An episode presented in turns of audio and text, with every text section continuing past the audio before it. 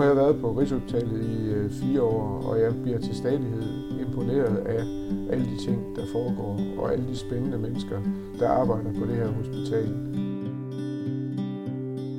Du lytter til Beriget, en podcast, hvor Rigshospitalets direktør Per Christiansen besøger en af hospitalets faglige profiler, der hver dag beriger det danske sundhedsvæsen.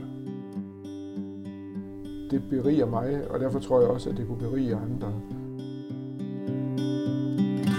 I dag der sidder jeg så her på vores øh, Glostrup-matrikel sammen med øh, professor Mariette Hetland, som er professor i øh, rheumatologi, og, altså gigtsygdomme. Og øh, Mariette, nu er du øh, inde i sådan et felt, hvor at der er rigtig, rigtig mange mennesker i det her land, som har den her øh, kroniske sygdom. Kan du ikke prøve at fortælle lidt om, hvordan kom du ind i, øh, at, det, at det var det, du øh, vide dit liv til at, at forske i og, og, og at hjælpe de her mennesker? Ja, det er jo egentlig et meget sjovt spørgsmål at få, fordi mit svar starter egentlig et helt andet sted. Fordi jeg havde lavet for øh, 25 år siden, så havde jeg lavet en Ph.D.-afhandling, hvor jeg undersøgte, hvad der skete med skelettet, når man løbetræner meget intensivt. Og så opdagede jeg, at dem, som trænede allermest, gik det egentlig ret skidt. De fik dårlige... Der foregik ting altså i skelettet, som ikke var helt, som det skulle være. Øhm, og på baggrund af det, så tænkte jeg, at jeg må jo finde mig et speciale, som ligesom omfatter noget af det, jeg her har lavet. Og så overvejede jeg forskellige muligheder, og så endte jeg med rheumatologien. Så jeg havde jo egentlig der, min baggrund var jo sådan set, at jeg havde kigget på nogen, som i udgangspunktet var super sunde og raske, nemlig nogen, der løb maraton. Jeg havde blandt andet en, der havde løbet 76 maraton, som jeg undersøgte. Øhm, så det var jo ligesom en, et meget lille hjørne af et speciale, som i virkeligheden rummer nogle meget store sygdomme også. Vi skønner, at der er et sted mellem 50 og 70.000 danskere, som har kronisk ledegigt, og så er der et tilsvarende antal, som har beslægtede gigtsygdomme, psoriasisgigt og rygsøjlegigt, som har en del fællestræk med ledegigt. Ledegigt er en sygdom, som især rammer de små led i hænderne og fødderne, men det kan ramme alle ledene i kroppen. Og det rammer på den måde, at man får meget, meget ømme og hævede led. Sådan så det at udføre helt hverdagsagtige handlinger, som at klæde sig på, skære sin mad i stykker, gå i bad, øh, bære indkøb, bliver fuldstændig umuliggjort. Altså man er meget, meget funktionshæmmet, og så har man forfærdelig ondt. Patienterne beskriver det typisk som, at det er som om, at der står en med en hammer og slår på mine led. Så det er en meget, meget smertefuld øh, proces, og hvis man kigger ind i ledet og i et mikroskop, så kan man se, hvordan betændelsescellerne er så aktive og øh, aggressive, at de simpelthen æder sig ind i knoglen og brusken ved ledet. Sådan, så det ligner næsten en kræftform, når man kigger på det i mikroskopet. Det er det ikke, men det ligner, og det er også derfor, det skal have noget af den samme aggressive behandling. Og det er også det, der er med til at forklare, hvorfor det gør så ondt. Altså du kan jo tænke på, hvordan det er at slå sig på skinnebenet. Det gør ondt. Og det er fordi, man kommer ind og slår ind på knoglens overflade. Og her har man altså at gøre med en betændelsesproces, som simpelthen svarer til, at der er nogen, der står hele tiden og gnaver i de der meget, meget følsomme overflader på knoglen. Du lytter til Beriget, en podcast om faglige fyrtårne på Rigshospitalet. Ledegigt, det er noget, hvor vi skal ind og behandle så hurtigt ja. vi overhovedet kan. Kan Lige du ikke præcis. fortælle lidt om det? Jo, og der er jo, altså jeg kan huske, da jeg gjorde min entré øh, i, for næsten 25 år siden i specialet, der var venteværelset jo fuld af patienter, som sad i kørestole. Øh, og som havde jo nogle hænder, som var fuldstændig forkrøblede og ødelagte, og de var afpillede og altså virkelig forfærdeligt belastede. Og de havde så mange smerter, de tog jo alle sammen mange smertestillende præparater, havde alle sammen behov for en lang række hjælpemidler. Og vi var i en situation, hvor øh, der var ikke så meget, man sådan kunne stille op øh, rent medicinsk, fordi de præparater, der havde været førhen, de var, dels var de øh, ret dårlige, altså de havde dårlig effekt, og så havde de, var de virkelig giftige. Så det var utaknemmeligt, og man var meget tilbageholdende med at behandle. Og så kom der så et skift der øh, øh i det sidste årti frem mod år 2000, hvor, hvor man opdagede, at vi kan behandle med nogle af de præparater, vi kender fra blandt andet blodsygdommene.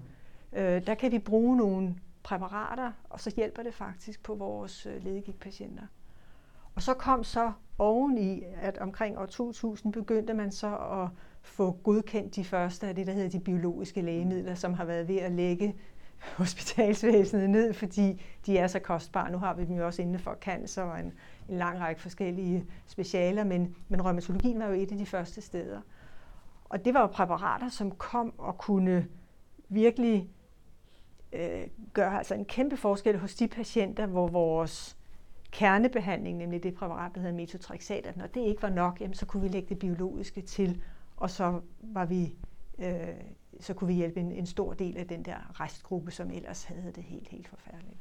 Kan du ikke prøve at forklare mig, øh, som sådan en, øh, en lidt uvidende djøffer, mm. hvorfor er det nu, at det er de samme øh, behandlinger, man tilbyder, for eksempel folk med øh, tarmsygdomme og så øh, ledegigtpatienter? Ja, for det er jo ret fascinerende, at ledegigtpatienterne og de andre for så vidt gigtpatienter, der får biologiske lægemidler, patienter med inflammatorisk tarmsygdom og patienter med øh, for eksempel hudsygdom psoriasis, der bruger vi faktisk øh, langt et stykke på vej i hvert fald de samme præparater.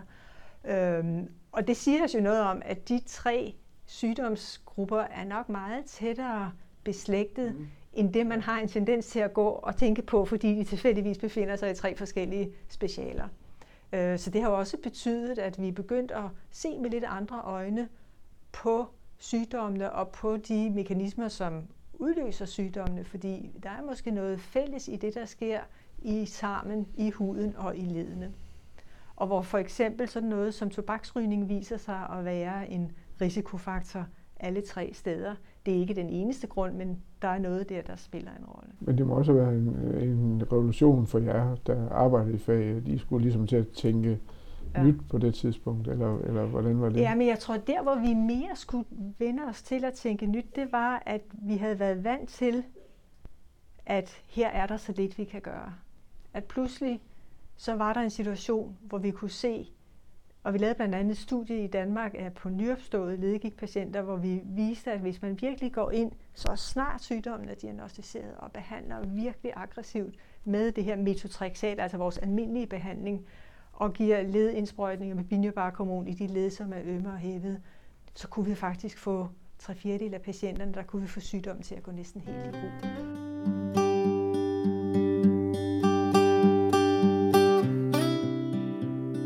90'erne var jeg ansat på sygehus og rheumatologisk ja. afdeling. Det var sådan en lille hjørne, der, hvor alt var stille og roligt, og det mm. kørte.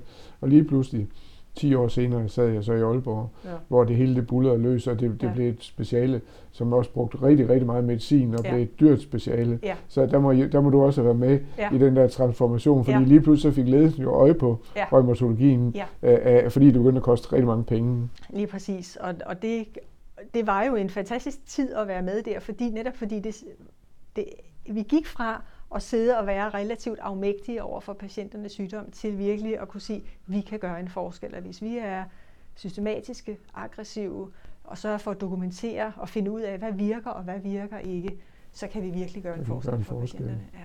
Og der tænker jeg også, at nu, nu hedder jeres klinik jo ikke klinik, men videnscenter for ja. rheumatologi og rygsygdomme. Ja. Hvad gør I for at udbrede jeres viden? Vi gør rigtig meget. Først og fremmest så har vi jo på afdelingen en meget stor forskningsenhed, som, øh, som er særdeles aktiv med at publicere øh, og, og jo rejse rundt i verden og fortælle om vores resultater. Og så har vi en lang tradition for at øh, samarbejde på tværs af øh, afdelingerne i hele landet. Jeg tror, man roligt kan sige, at rheumatologien er, er gået fra, fordi sådan var det ikke for en generation eller to siden. Der sad man og var konge på sin egen afdeling. Mm og snakkede helst ikke for meget med naboen. Nu er der et nu meget, meget... Sammen. Ja, snakker ja. utrolig meget sammen. Men man kan så sige, for fuldstændighedens skyld, så er I jo også blevet nogen, vi holder meget af igen, fordi nu er medicinen ja. faldet i takt med de biosimilære ja. produkter kom, så, ja. så sparer I jo penge år ja. for år, selvom ja. det er sådan en top, I har været på. Ja, men men hvad, hvad tænker du, er der, er der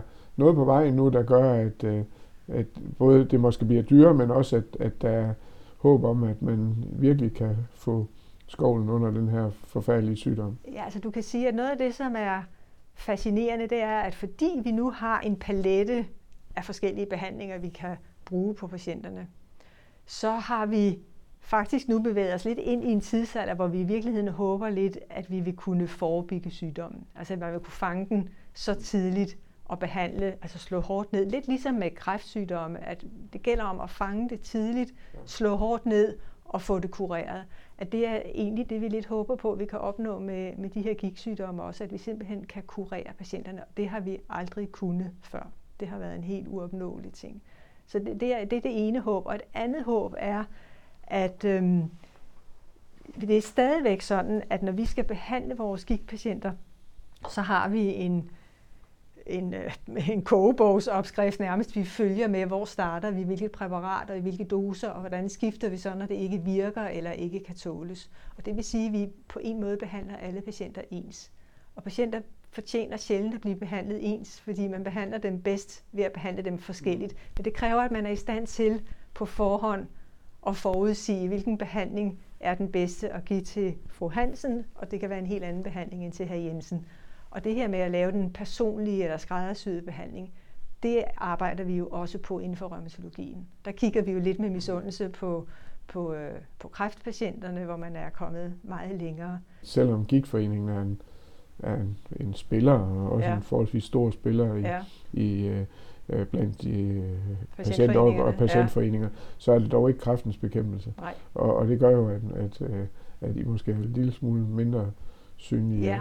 og ved du hvad, og det, og det er egentlig, øh, egentlig er det så ærgerligt, fordi hvis man kigger på omkostningerne knyttet til patienter med rheumatologiske sygdomme i forhold til omkostningerne ved cancer, så har vi jo langt flere sygedage, pensioneringer øh, på grund af sygdomme i bevægeapparatet, end man har på grund af cancersygdomme. Øhm, men det er bare ikke så nemt at slå igennem med avisoverskrifter i forhold til sygdomme.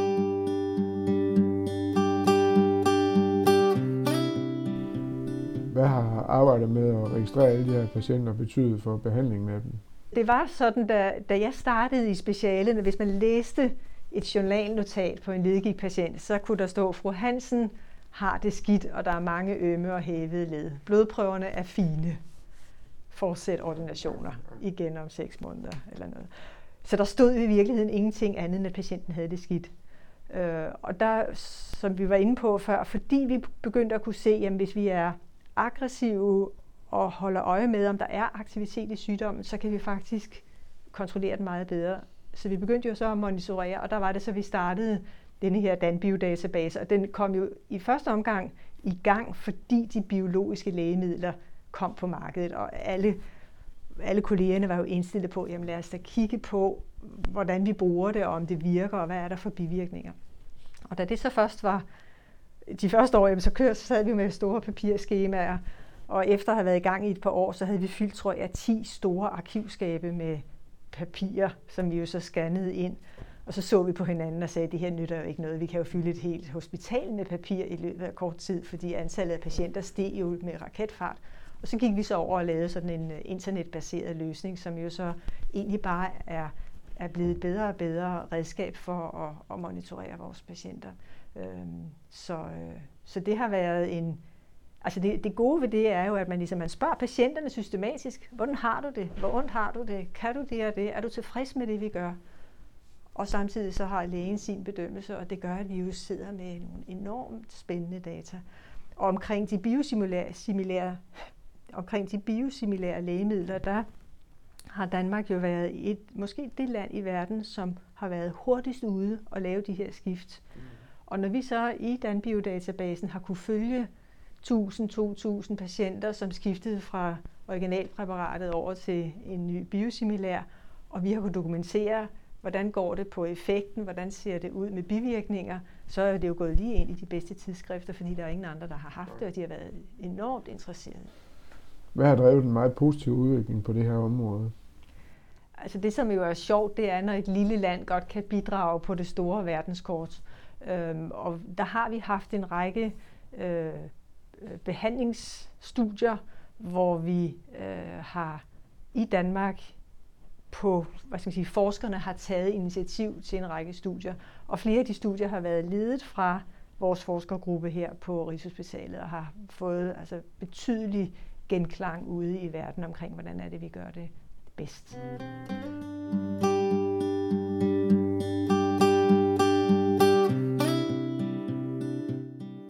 Jeg plejer jo sådan at slutte det her af med, at øh, hvis man har et ønske til direktionen, så kan man jo komme her med det nu. Men nu sidder jeg jo her, det er jo, det er jo et fantastisk øh, sted at være her i det her gamle børnehospital på, mm. på Glostrup Hospital. Så det, der kan jo ikke være mange ønsker øh, herude.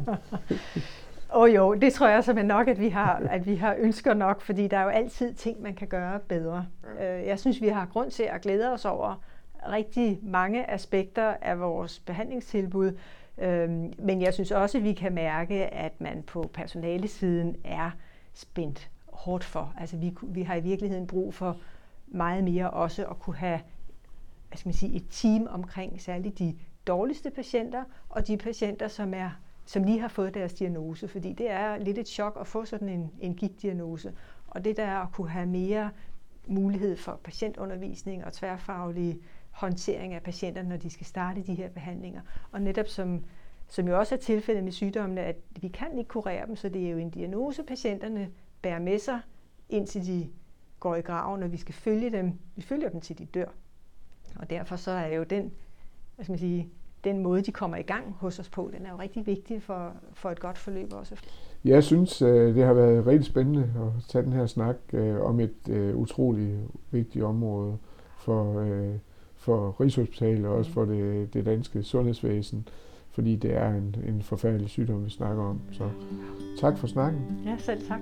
Tak fordi du kom. Du har lyttet til Beriget med Per Christiansen og professor Merete Hetland. Du kan høre flere afsnit af Beriget der, hvor du handler dine podcasts, på Rigshospitalets hjemmeside eller på intranettet, hvis du er medarbejder.